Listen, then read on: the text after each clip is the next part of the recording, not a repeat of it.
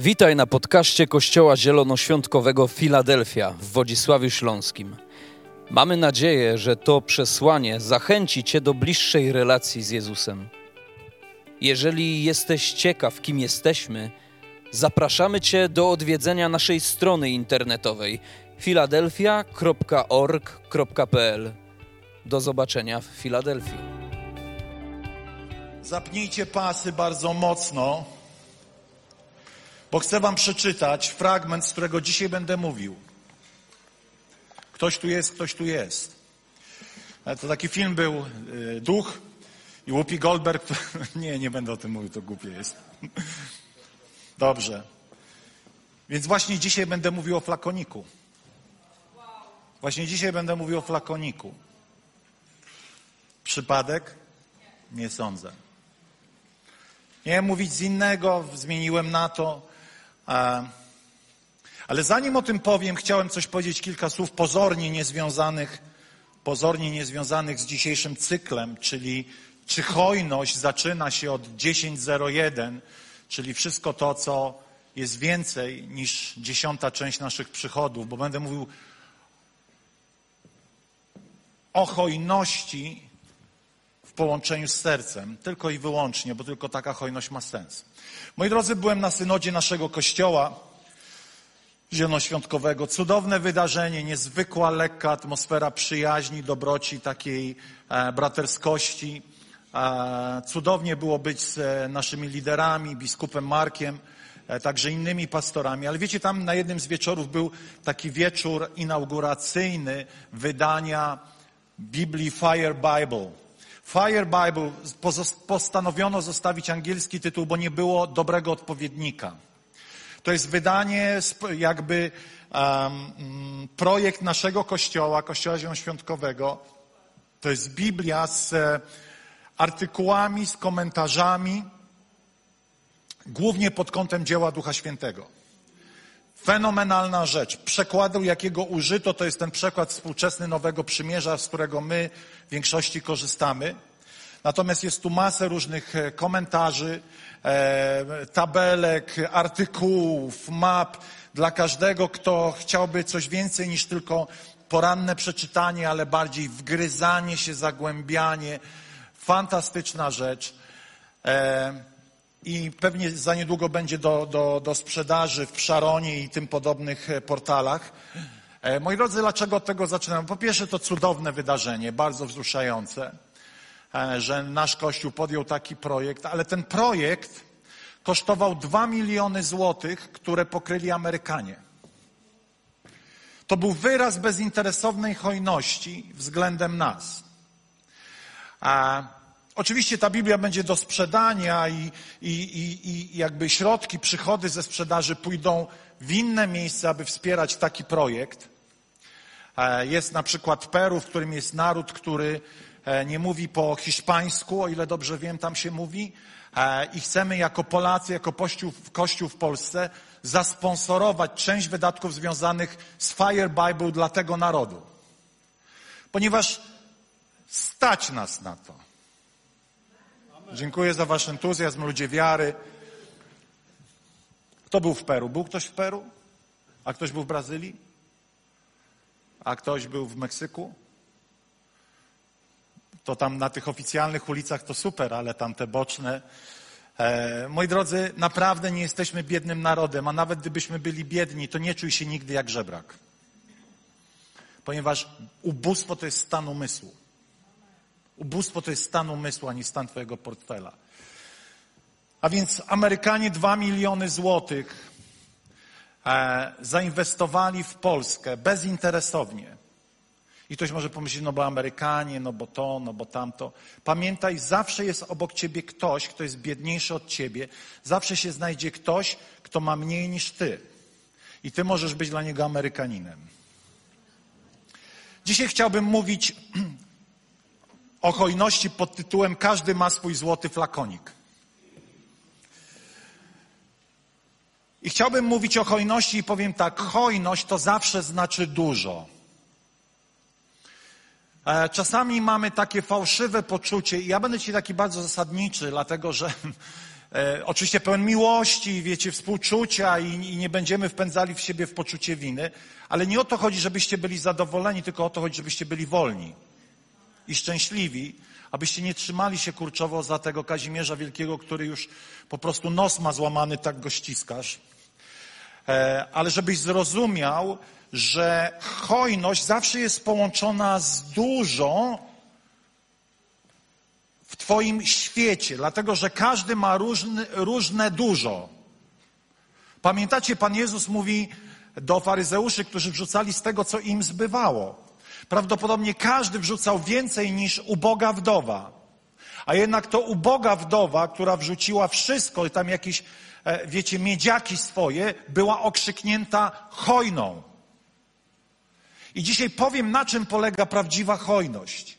To, że komuś dam kartkę z, wiecie, z wersetem i tam powiem, myślę o tobie, to jest, to jest miłe, to jest oznaka pamięci, ale to nie jest hojność. Halo. Jeżeli kupię ci prezent u Chińczyka i tam napiszę kartkę myślę o tobie, to jest to miłe, jest to wyraz pamięci, ale to nie jest hojność. Bo hojność to jest pewne dużo z Twojego świata. Hojność zawsze oznacza pewną osobistą stratę. Hojność wzbudza kontrowersje. Ale hojność też inspiruje i hojność pachnie. I powiem tak, jeżeli marzymy o przejawach Bożej chwały jeszcze większych, to hojność jest jedną ze składowych tworzenia dobrej atmosfery, dobrego klimatu dla Boga.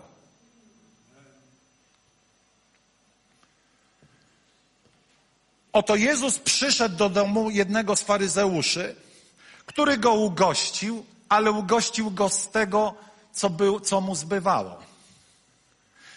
Do tego stopnia, że właściwie ten człowiek został w cudzysłowie obstawiony przez Jezusa za swoją postawę, choć wydawałoby się, że dał dużo.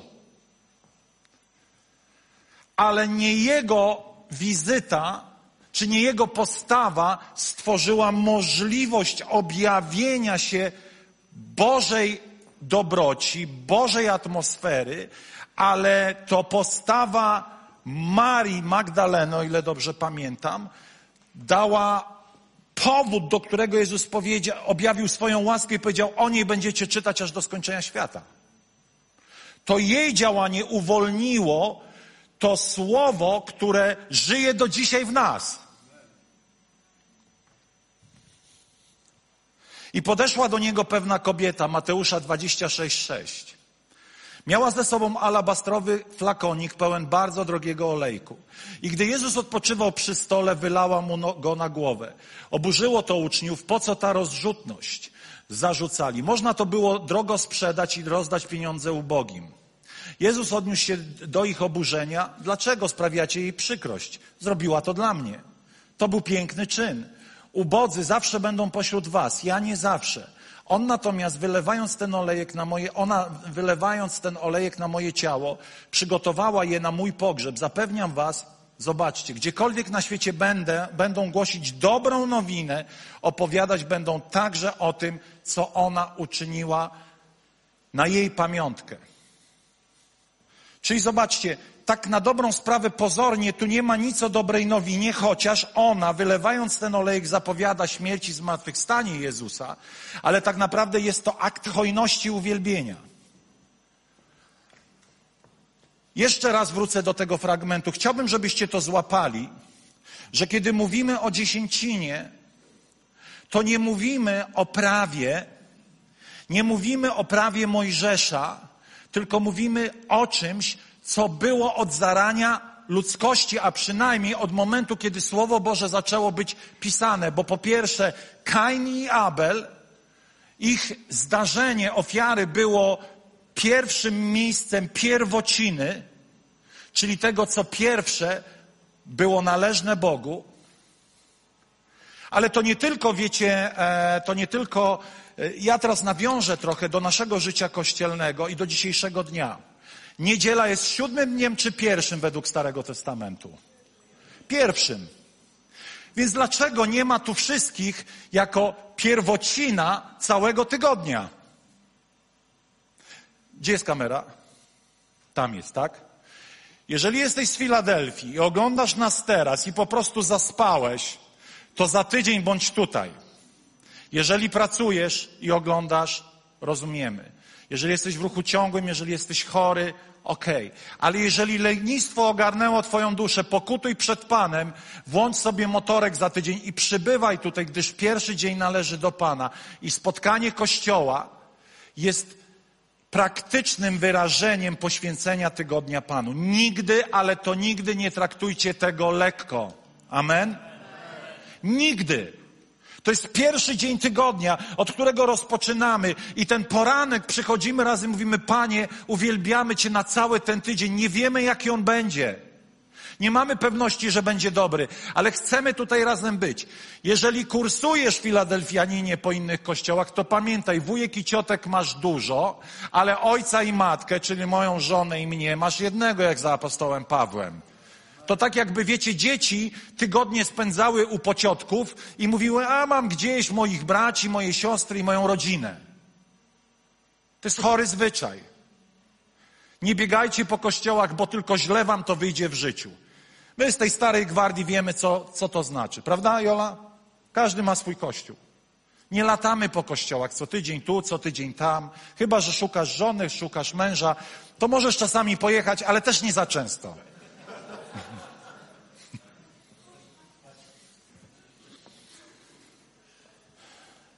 Nie róbmy sobie żartów z uczestnictwa z Kościołem w pierwszy dzień tygodnia. To jest pierwocina.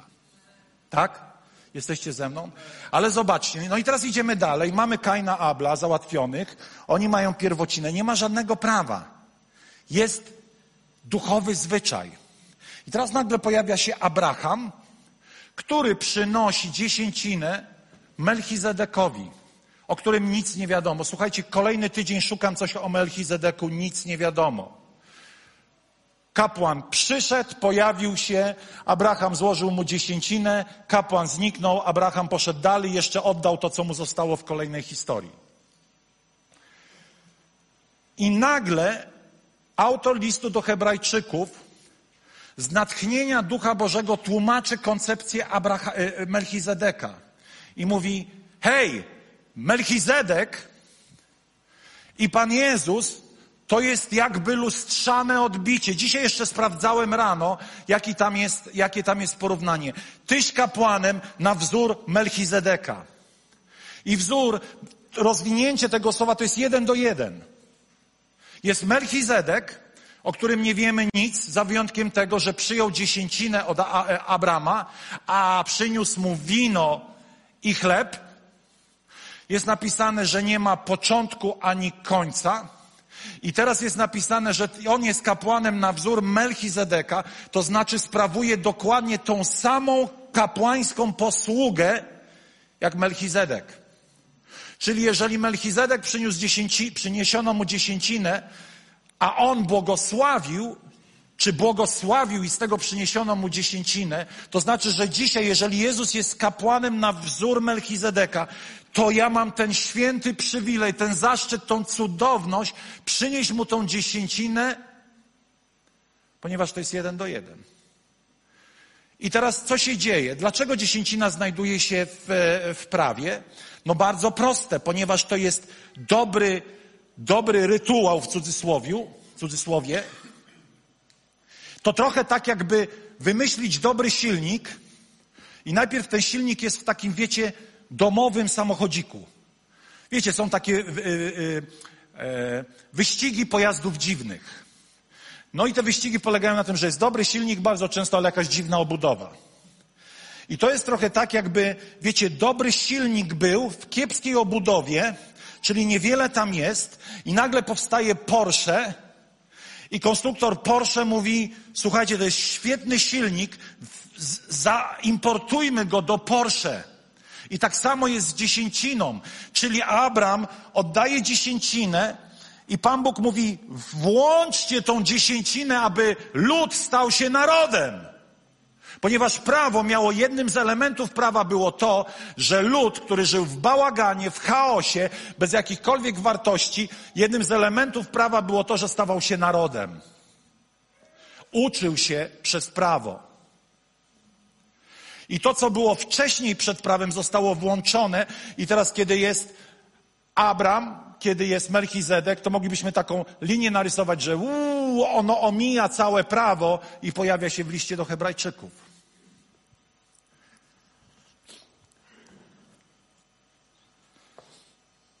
Ktoś może powiedzieć, no dobrze, ale ja daję tu, daję tam, daję jeszcze tam. A gdzie jest Twój duchowy dom? Gdzie gromadzimy się jako najbliższa rodzina, aby uwielbiać Jezusa? Skąd czerpiesz największe dary? Gdzie następuje ta duchowa wymiana? Apostoł Paweł mówi, jeżeli, to jeżeli, my, jeżeli my dajemy wam dobra duchowe, to cóż z tego, że dajecie nam dobra ziemskie? Oczywiście nie dajecie mnie, ale musimy rozumieć, że jesteśmy odpowiedzialni za najbliższą rodzinę. To jest duchowy dom, to jest spichlerz. Nie masz innego spichlerza. Ponieważ tutaj przynosząc tak naprawdę wspólnie razem każdej niedzieli oddajemy Bogu chwałę jako rodzina, ale także jako rodzina znosimy swoje dziesięciny i one też stają się wyrazem wdzięczności do Boga za Jego dary, ale także za ten duchowy dom. Ponieważ wiemy, że jesteśmy duchowym domem, że jesteśmy świątynią Ducha Świętego, że budujemy się, budujemy się w duchową budowlę jako rozszerzenie świątyni starotestamentowej, która była zapowiedzią Kościoła.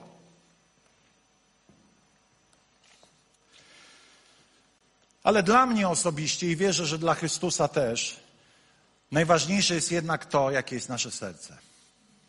Kiedy jesteś niedojrzały na początku drogi, dobrze jest mieć prawo dobrze jest mieć zasadę. Ale kiedy dorastasz, to zasada już nie jest tak ważna, bo jej nie musisz mieć, dlatego że wzrastasz w miłości do Pana i nie potrzebujesz mieć budzika nastawionego na siódmą. Na początku dziesięcina, w ogóle hojność może być dla ciebie właśnie takim budzikiem nastawionym na siódmą. Tudą, muszę to zrobić. Ale kiedy wzrastasz do miejsca przyjaźni z Bogiem, to już nikt nie musi ci tego przypominać. Poznałeś Go tak, że nie musisz się obawiać, że Ci braknie. Doświadczyłeś Jego bliskości na tyle, że nie ma w Tobie lęku, słuchajcie, ponieważ znasz Go, znasz Jego serce, a poza tym jesteś zakochany i z tej miłości chcesz czynić to, co jest dobre. Panie Jezu, byłem u Chińczyka, kupiłem Ci taką, taką małą bransoletkę za dwa złote, wiesz, tak, jesteś dla mnie taki ważny. A Pan Jezus mówi, ty, ale ty masz 10 tysięcy dochodu, a ty mi bransoletkę od Chińczyka przyniosłeś? To raczej jest to wyrazem twojego skąpstwa niż miłości. I pamiętacie, apostoł Paweł mówi, jak zbieracie pieniądze, to się przyjrzę, czy to jest wyrazem skąpstwa, czy hojności.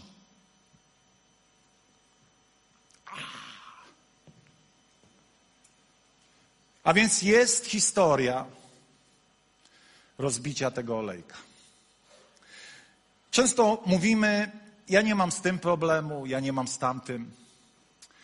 Ja wolę raczej powiedzieć, Panie, sprawdź moje serce, bo ja nie wiem, z czym ja mam problem. Kiedy mówię, nie mam z tym problemu, to tak naprawdę e, może nie byłem w miejscu, w, który, w miejscu prawdziwej próby. Nigdy nie wiesz, jak coś kochasz, dopóki nie musisz tego wypuścić z rąk. Dopóki nie jestem w miejscu ofiarowania, nie jestem w stanie sprawdzić, w jakim miejscu jest moje serce. Zgadzacie się z tym? Prawda? Dopóki coś jest moje i nie muszę tego przekazać dalej, to nie wiem, jakie mam emocje do tego czegoś. Pan Bóg stwarza nam okazję, abyśmy mogli Mu zaufać, sprawdzić stan naszego serca i złożyć u Jego stóp to, co tak bardzo czasami kochamy. Nasze deklaracje, to, to co kochamy, to nie jest kwestia deklaracji, ale to jest kwestia zawsze aktywowania pewnego, pewnego działania. Wiara bez uczynków jest martwa. Mogę wam opowiedzieć, jak to jestem hojny, jaki to jestem, jaki to czynię, tylko dopóki tego nie aktywuję przez akt hojności, to tak naprawdę nie jestem hojny.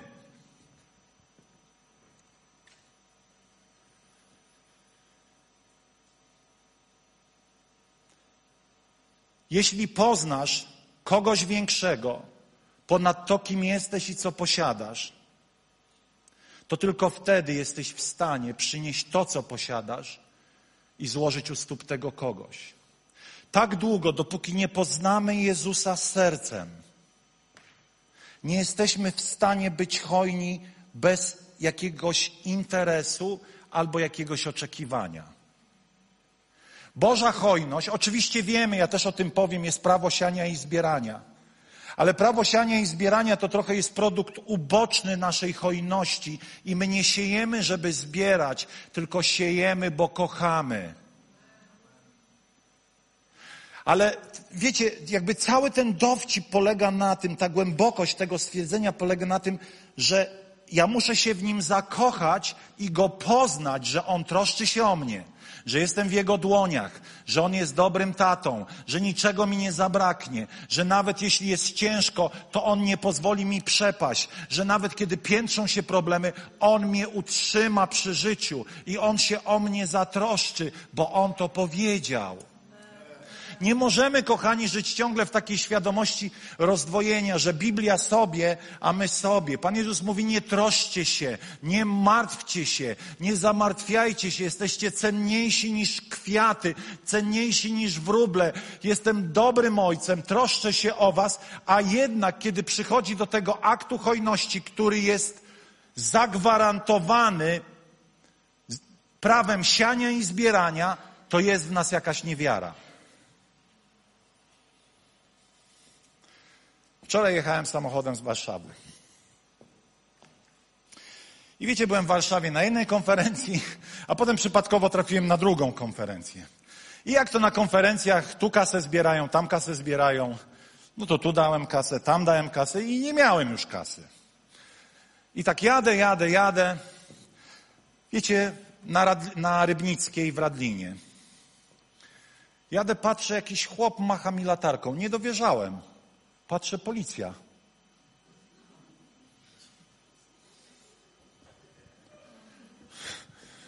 Patrzę i mówię, nie, to niemożliwe w ogóle w tym miejscu, ale taki, wiecie, jadę pewnie, jak mówię, e, na tablicy, ta, na tablicy mi się wyświetla e, znaki drogowe, jakie obowiązują. Mówię, 90, jechałem 79. Wiecie, jeszcze do niedawna, to jest w ogóle cud, chcę wam powiedzieć, że Bóg bardzo zmienił moje serce i nie jestem już policyjnym pyskaczem. Moja żona wie, co to znaczy. I e, pan był bardzo kulturalny, grzeczny. Ja tak mówię, a czym ja zgrzeszyłem? A on mówi, no wie pan, 79, a tu jest 50. Ja mówię, jakie 50, jak jest 90 na cyferblacie, na tej tablicy? On mówi, to panu źle samochód przeczytał, tu jest 50 teren zabudowany. A ja liczę i tak sobie myślę, 500 czy 800, ile zapłacę? I tak mówię, Panie oficerze, niech mnie pan nie kara. Jak to powiedziałem, wiedziałem, że już nie zapłacę. Przy... Aha, ja kiedy mówię, panie oficerze, niech pan mnie nie kara, to pomyślałem sobie, Jezu, wszystkie pieniądze oddałem na ofiarę i teraz szarańcza ma zjeść to, co dałem jeszcze minus 800. Mówię, Jezu, ja cię tu uwielbiłem, a ty mnie jeszcze karzesz.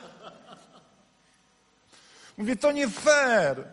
Mówię, gdybym jeszcze był świadomy tego złamania, wiecie, jadę, mam to gdzieś, ale naprawdę zostałem wprowadzony w błąd, a ten policjant do mnie mówi, hmm, dobra, niech pan jedzie, ale, ale następnym razem będzie sroga kara. A ja tak, taki w szoku byłem, bo ja nawet, wiecie, na początku nie podejrzewałem, nagle pojawiła się ta emocja, te, ta, te, to wrażenie. Ja mówię, ale pan jest dla mnie łaskawy, rura, żeby się jeszcze nie rozmyślił. Bóg nie pozwoli, żeby Twoje pieniądze były zjedzone przez szarańcze. Ty sam możesz tylko sprawić, że szarańcza będzie je jadła. A więc punkt numer jeden, hojność znaczy dużo dla tego, który obdarowuje. Ta kobieta złożyła i my to wiemy, w tym komentarzu też biblijnym jest roczny dochód robotnika. Możemy powiedzieć, ale była prostytutką, wiesz, może kobietą lekkich obyczajów. Miała z czego? Dobrze, to ja proponuję, żebyś złożył roczny dochód najniższej krajowej. Dla niej to były ogromne pieniądze.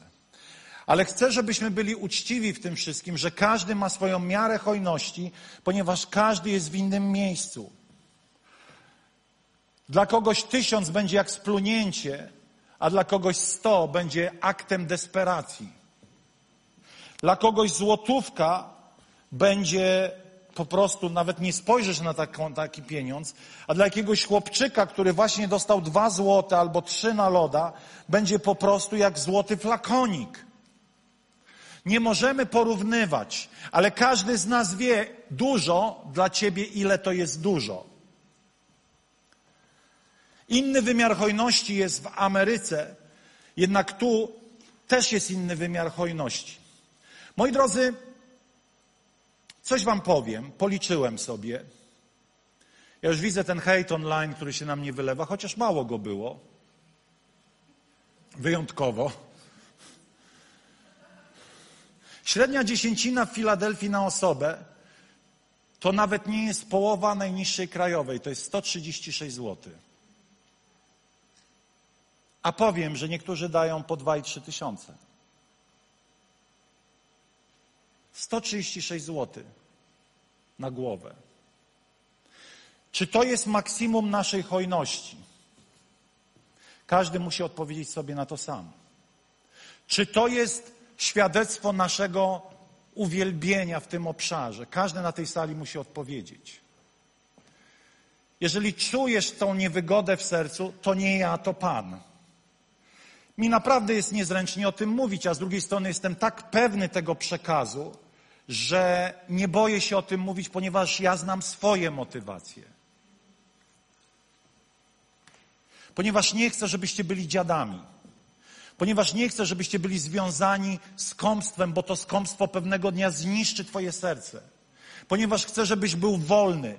Ponieważ chcę, żebyś był wolny od strachu. Żebyś doświadczał radości, chociaż na początku, kiedy podejmujesz decyzję, będziesz miał dyskomfort. Ktoś powie, ja nie miałem. A ja miałem. A ja miałem. Za każdym razem, kiedy przesuwam granice swojej hojności, mam. Bo przeciwnik, bo moja natura walczy ze mną, walczy z prawidłami Bożymi, walczy z Bożym objawieniem, właśnie żebyś zatrzymał dla siebie. Tylko chcę Ci powiedzieć, słuchaj, co mówi Słowo Boże. Bardziej błogosławioną rzeczą jest dawać niż brać. Nie ma innej metody na rozwijanie się w hojności, która jest wartością Królestwa Bożego, jak dawanie. A więc każdy ma swoją miarę hojności. Inna będzie od studenta, który niech nie powinien czuć się zwolniony z tego. Inna ucznia, który nie powinien być zwolniony z tego. A inna kogoś, kto ma swoją działalność, a może wyższe stanowisko kierownicze. Każdy ma swoją miarę. Nikt nie powinien być księgowym drugiego, ale każdy powinien pozwolić, aby Pan Bóg był Twoim księgowym. Powiesz, Pan patrzy na serce. Nie, nie, nie, Pan patrzy też na portfel. Skąd to wiemy? A no właśnie, kiedy przyglądał się skarbonie, kto ile wrzucał. My się nie przyglądamy, ponieważ szanujemy się nawzajem, swoją intymność daru, ale Pan Jezus patrzy i mówi, o krzywodajcz, coś tu wrzuciłeś z tego, co ci zbywa, ty rutyniarzu. O tak, Panie, już przepraszam, już przepraszam. Każdy pewnego dnia stanie przed próbą, aby oddać Panu to, co ważne, drogocenne i zajmuje dużo miejsca w jego sercu. Hojność jest uniwersalna, chociaż ma różną miarę, to może być praktykowana w Bangladeszu, Nigerii, Indiach, Polsce, Ameryce, Wietnamie. Ponieważ każdy kraj ma swoją miarę hojności i hojność zaczyna się od więcej niż daje to, co mi zbywa. Hojność zaczyna się tam, gdzie musi zacząć się już Twoja wiara. Hojność zaczyna się tam, gdzie zaczyna się pewien ból. Tylko 10% ludzi ma naturalną hojność. To znaczy mogą dawać i, i nie odczuwają żadnego dyskomfortu. 90% ludzi musi przełamać ducha skąpstwa, lęku, troski, zazdrości. I kiedy to przełamujesz, to tam zaczyna się dopiero hojność. Dlatego, że wszystko to, co pozbawia mnie tego aktu wiary, nie jest jeszcze hojnością.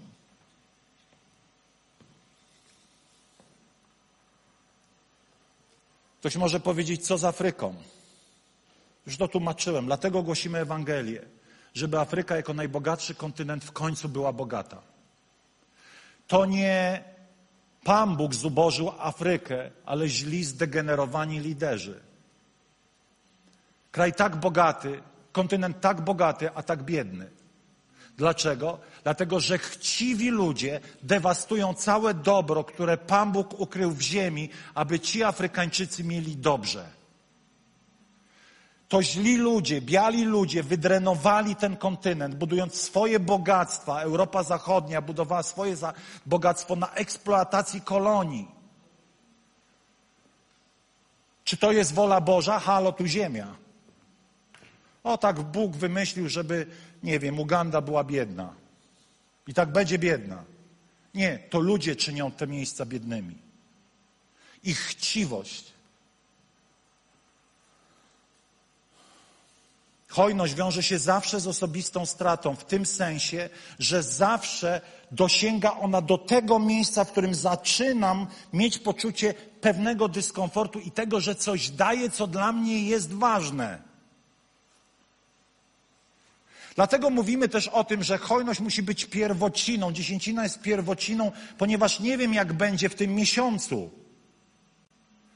A więc jest pewien akt wiary, że dając ten pierwszy przelew, ufam Bogu, że to błogosławi resztę, aby szarańcza tego nie zjadła. Jesteście ze mną? Hojność jest także wdzięcznością za otrzymaną łaskę w całym mijającym miesiącu.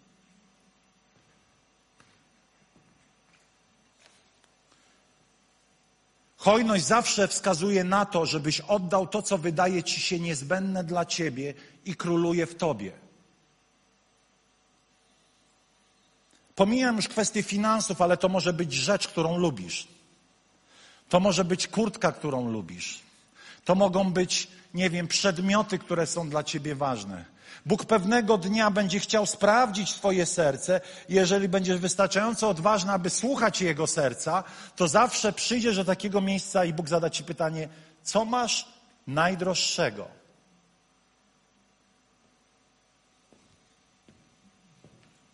I to nawet nie w sensie wartości finansowej, tylko coś, co jest powiązane z Twoim sercem. Coś, do czego przywiązujesz emocjonalnie dużą wagę.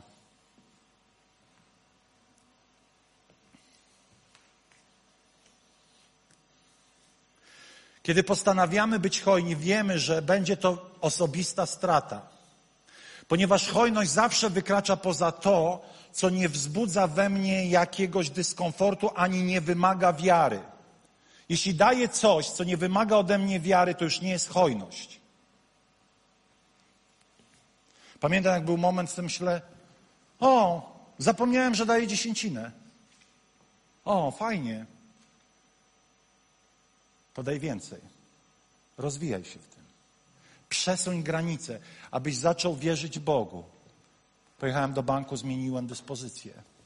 Oczywiście pani zawsze patrzy na mnie takie oczy. Panie Arku, serio?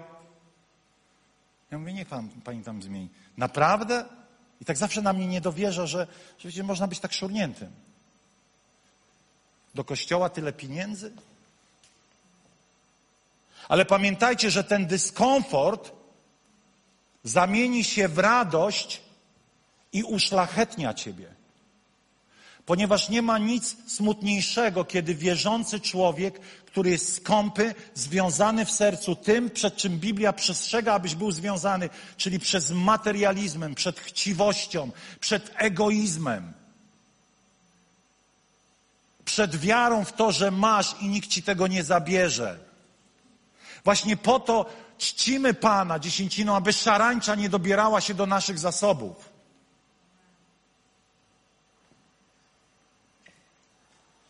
Hojność to zawsze jest akt uwolnienia tego, co posiadam i nie mam już na to wpływu. Kiedy wypuszczasz to z rąk, kiedy naciskasz Enter, to to już nie jest Twoje. Znaczy, to nigdy nie było Twoje, ale to już jest poza Twoim wpływem. Człowiek w naturze ma chęć kontrolowania tego, co ma. Naturze kontrolowania drugiego człowieka. E, ufamy tam, gdzie możemy kontrolować. Ale nagle musisz, tak jak ta kobieta, przynieść ten flakonik, rozbić go i nie wiesz, co będzie dalej.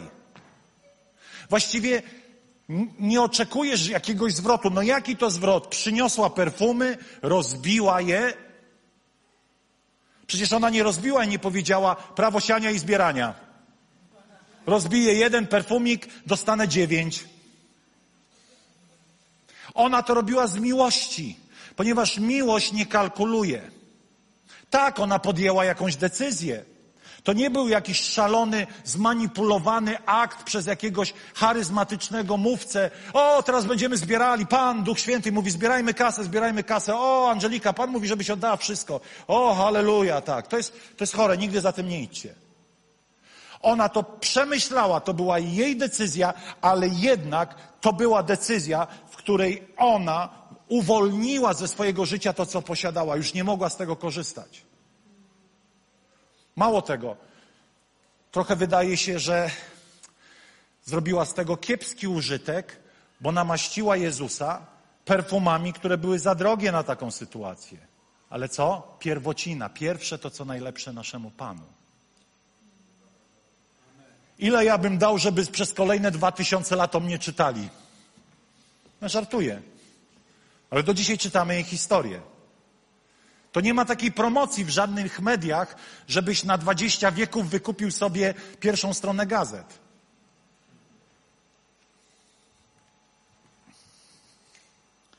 Hojność wzbudza kontrowersję, podziw, zazdrość.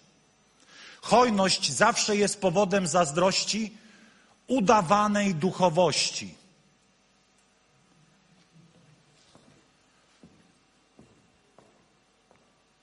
Nie lepiej było biednym dać? Ktoś na tej sali siedzi i sobie myśli, a nie lepiej to biednym dać? A ile ostatnio biednym dałeś? Ile ostatnio dałeś komukolwiek coś? Wiecie, to jest, e, to jest tak zwany populizm chrześcijański, czyli wyjdę i powiem coś dobrze brzmi.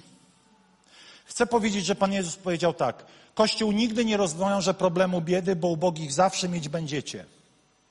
Kiedy oni się pojawią, usłuszcie im, ale nie uczcie się, że nakarmicie cały świat.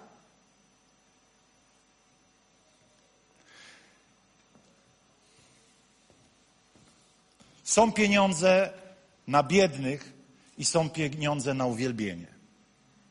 I nie możesz mieszać tych porządków. Chciałby się pomieszać, bo kiedy dasz człowiekowi, człowiek ci podziękuje.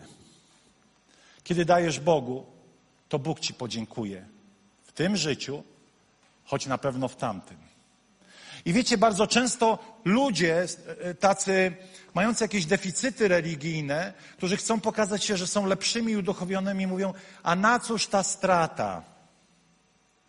Nie lepiej na niewiadom dać? Damy na niewiadom. Ty daj na niewiadom. Od, od, od przyszłej niedzieli, a propos, zbieramy e, odzież dla niewiadomia, więc drodzy bracia, będziemy mieli okazję się wykazać. Ale jeśli nie troszczyłeś się przed tym kazaniem o biednych, nie będziesz się troszczył po tym kazaniu o biednych. Ale bardzo często ludzie używają takich argumentów, żeby po pierwsze posądzić mnie o chciwość albo kogoś, kto naucza na temat pieniędzy, a tymczasem ja chcę powiedzieć, że ja nic z tego nie będę miał, za wyjątkiem tego, że ty będziesz błogosławiony. Ja nic z tego nie mam. Jeśli myślisz, że, że jestem tak tandetnym liderem, że głoszę z osobistej korzyści, błagam, zmień Kościół. Nawet nie zostawaj tutaj dłużej. Judasz dokładnie to zrobił.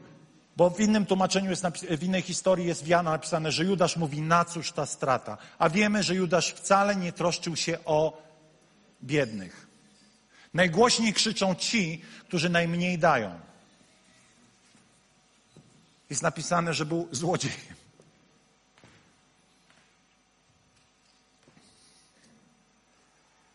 Krytycy hojności w kościele nie są tak hojni poza kościołem. Kiedy Maria rozbiła olejek, jedni się dziwili, byli pełni podziwu, inni byli źli, bo Judas sobie pomyślał, mogła dać to Jezusowi. Głupia kobieta, zamiast to rozbijać, mogła nam to dać. My byśmy to sprzedali, a ja bym z tego wziął dziesięcinę dla siebie. A ona rozbiła. Wydaje się to bezsensownym działaniem. I bardzo często nam się może wydawać, że kwestia dziesięciny nie, mie, nie, mie, nie mieści się w kategoriach logiki, bo muszę oddać, żeby mieć. Przynoszę, żeby uwielbić. Po, odczuwam pewną stratę, żeby mieć potem radość. No to się nic nie klei. Rozmawialiśmy z Bogdanem przed nabożeństwem.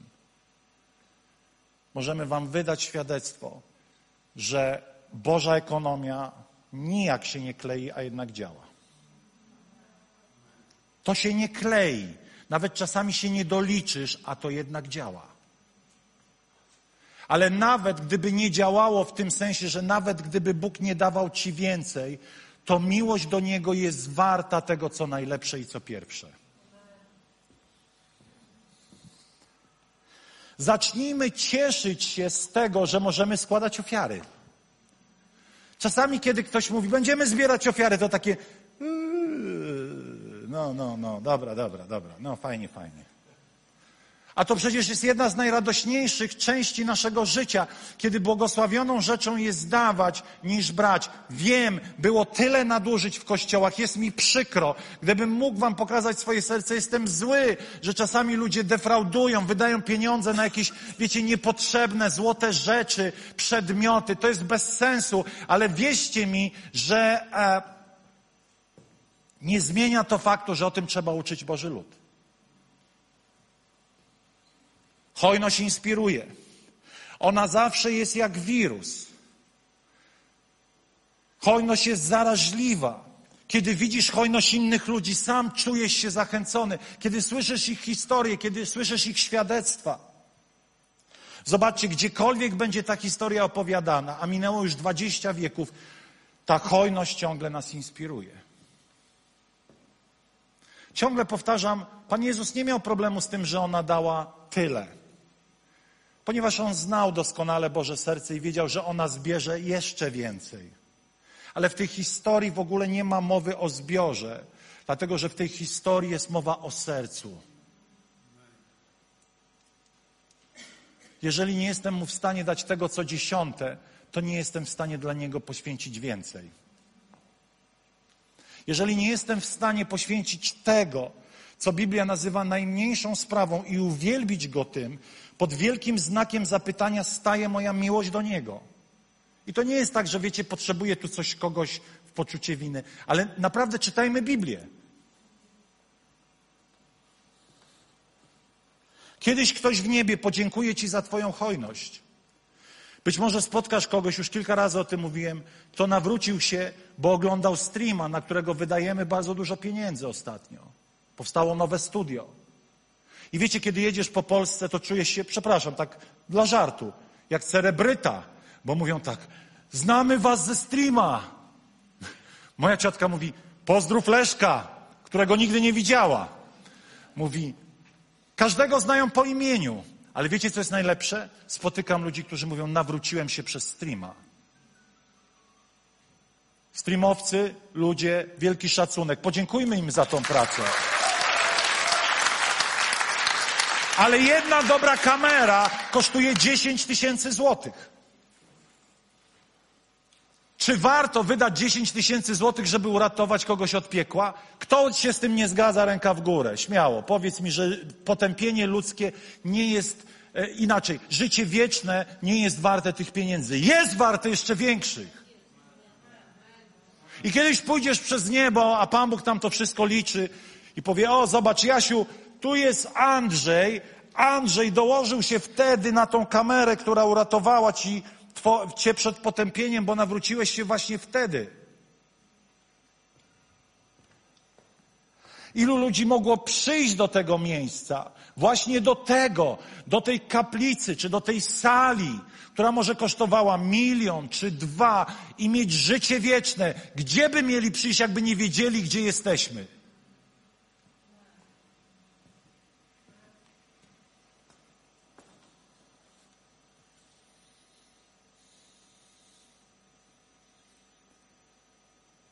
Hojność zawsze pachnie. Byłem w miejscach, moi drodzy, wiecie, że dużo jeżdżę. Byłem w miejscach, gdzie ludzie byli skąpi. Czekali, aż tą złotówkę mu wydadzą za tą książkę. Ale byłem też w miejscach, w których, kiedy kupowali książkę, mówili, nie wydawaj reszty.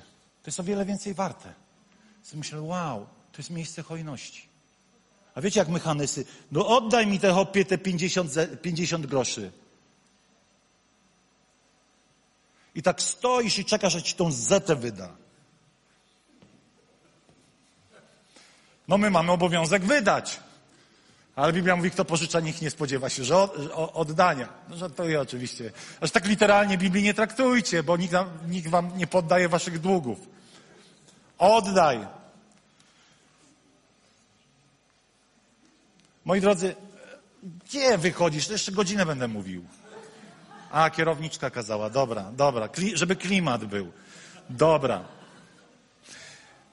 Ale wiecie, czasami usługiwałem w miejscach, w których ludzie wydawali się, że niewiele mają.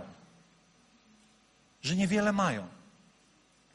I niewiele mieli, porównując może do mnie. Ale ich hojność łamała moje serce. I to nie była hojność, która by mogła mnie poruszyć, że to coś dla mnie znaczyło, ale wiedziałem, ile to ich kosztuje.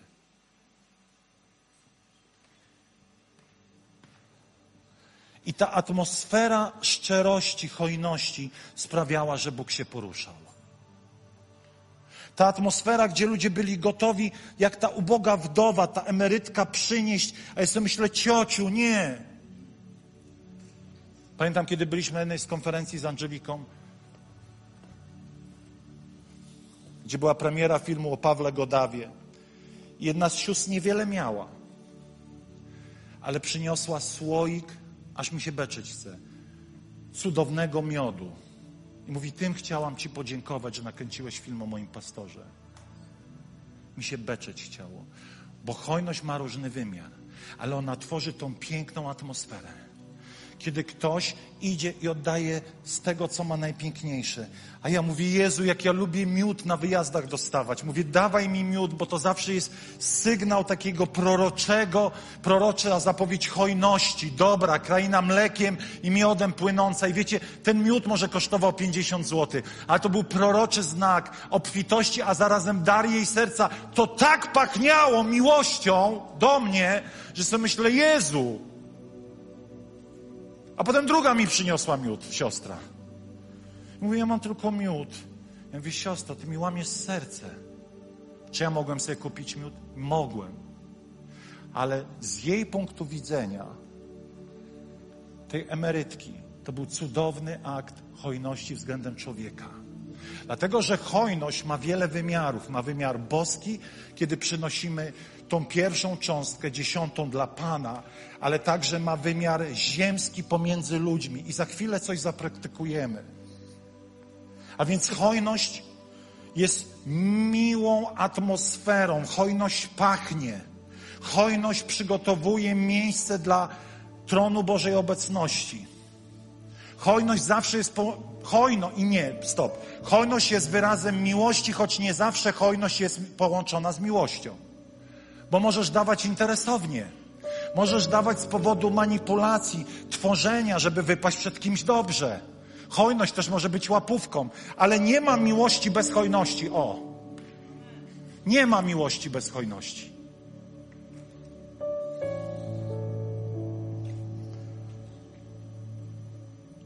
Pomyśl na chwilę i chciałbym, żebyśmy coś teraz zrobili.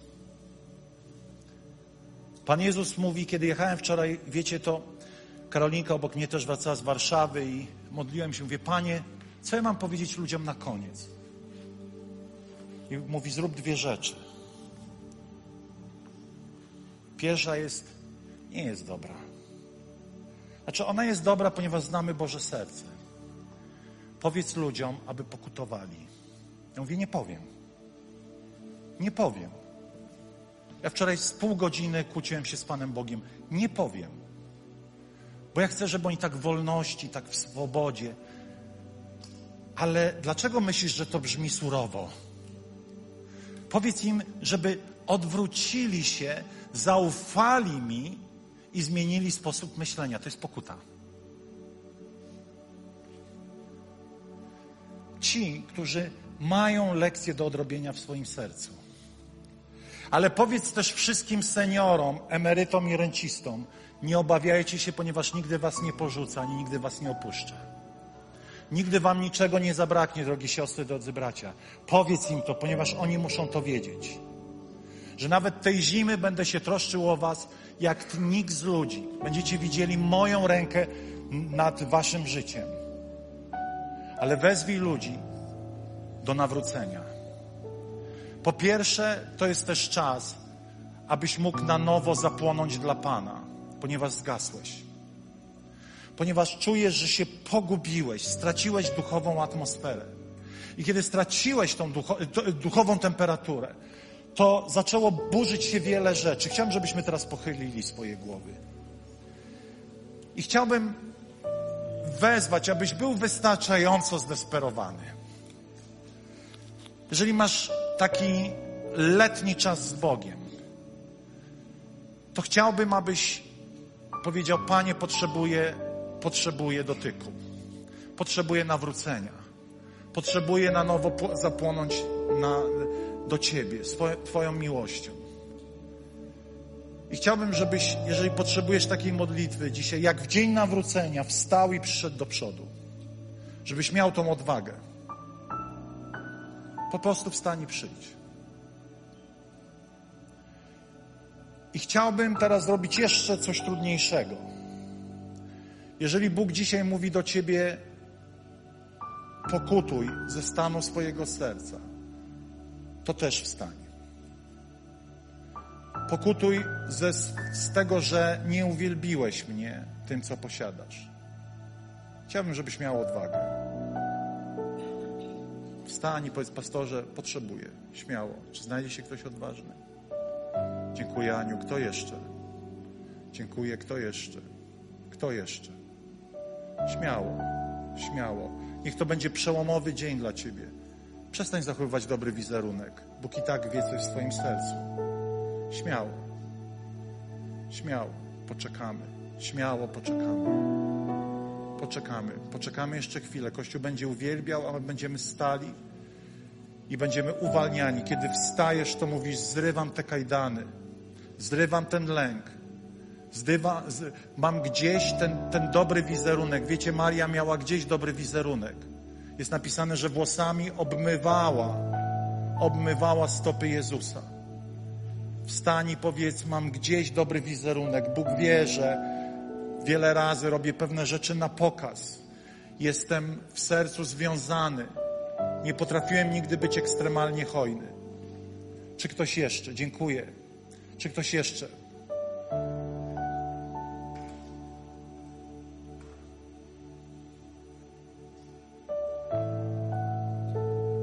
Dziękuję Wam za Waszą odwagę.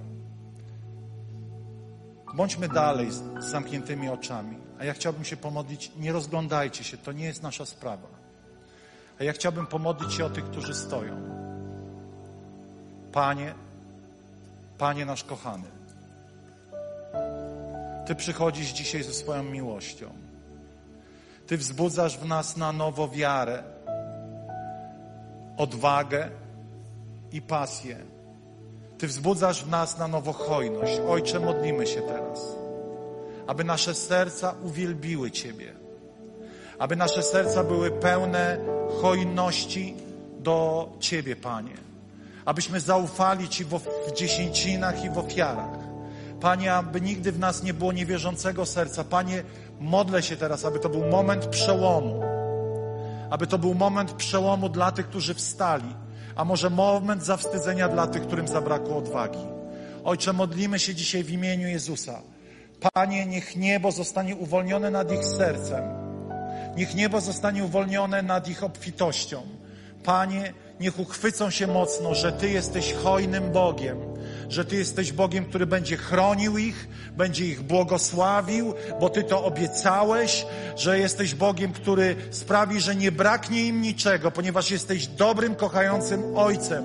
Ogłaszamy to nad ich życiem w imieniu Jezusa. Amen. Amen. Chcia... Usiądźmy dalej. Dziękuję Wam. Niech Bóg Was błogosławi. Ale chciałbym, żebyśmy zrobili jeszcze jedną rzecz, zanim zespół będzie grał. Chciałbym, żeby każdy na sali, każdy na sali, chciałbym w modlitwie obudzić hojność wzajemną. Wierzę, że, że to jest bardzo inspirujące, co zrobimy i, i bardzo duchowe. Nie rozpraszajcie mnie. Chciałbym, aby każdy z nas poprosił Ducha Świętego, Panie, kogo mam pobłogosławić w następnym tygodniu? Pokaż mi człowieka, pokaż mi osobę w Filadelfii, wobec której mam dokonać aktu hojności. Nie kartki od Chińczyka, ale aktu hojności, czegoś, co będzie przejawem szacunku i hojności do tej osoby. Pokaż mi, Panie, tą osobę. Ojcze, ponieważ ja chcę być odpowiedzią dla tej osoby. Panie, także obiecuję, że nie będzie we mnie żadnego rozczarowania, jeśli nikt mi nic nie da. To w ogóle jest bez sensu oczekiwać. Ja dzisiaj, Panie, chcę, abyś pokazał mi osobę, do której mam pójść i objawić hojność Twojego serca. Pomódlmy się do Ducha Świętego, aby pokazał nam obrazy, pokazał nam osoby i pokazał, czym masz obdarować tą osobę. To mogą być pieniądze, to mogą być przedmioty, to mogą być ciasta, to mogą być miody, to mogą być chleby, nie wiem, cokolwiek, co Bóg Ci mówi, ale niech to będzie wyrazem hojności. To może być coś, co zrobisz sam i poświęcisz czas, hojnie czas na to, żeby to przygotować. Ponieważ hojność to jest coś, co Ciebie kosztuje. Panie, uwalniamy teraz to myślenie hojnego serca Ojca w nas. Panie, my łamiemy dzisiaj tę mentalność ubóstwa, skąpstwa, tą mentalność, która, Panie, okrada nas z godności synów i córek. Panie, niech ta szlachetność prze, prze, przemienia mój umysł, aby mógł także być błogosławieństwem dla innych. Panie, z tego, co mam, z tego, co posiadam, Ojcze, chcę uwolnić nad życiem moich braci i sióstr. Panie, chcę przyjąć te prorocze objawienie, do kogo mnie skierujesz i kogo mam obdarować, tym, co wkładasz w moje serce. Panie, niech to będzie hojne, niech to będzie aktem wiary w imieniu Jezusa. Duchu Święty, chcemy, abyś do nas mówił. Poczekamy jeszcze chwilę. To nie wyścigi. Escide lore dia sola ramene kesande. Zmień myślenie, mówi Bóg. Zmień myślenie. Zmień myślenie.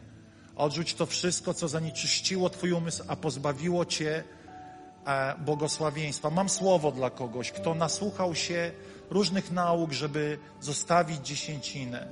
Bóg zadaje pytanie – czy naprawdę coś się zmieniło, jak przestałeś być hojny w ofiarach i w dziesięcinach? Czy raczej się pogorszyło? Odpowiedz sobie na to pytanie, a zobaczysz, co było dobre, słuszne i co czyniłeś. Czy ci się polepszyło, czy ci się pogorszyło? Czy do życia wkradł się zamęt finansowy, jakiś dług, jakaś szarańcza.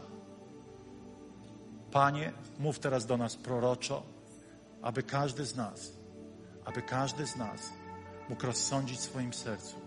Ale pamiętaj, tato jest dobry. Tato ma wszystko, co potrzeba dla Ciebie. Tato nigdy Cię nie zostawi. W Jezusie Chrystusie pełnia błogosławieństwa niebios jest przygotowana dla nas ale stan naszego serca zawsze jest weryfikowany przez ten pin, jakim jest te dziesięć.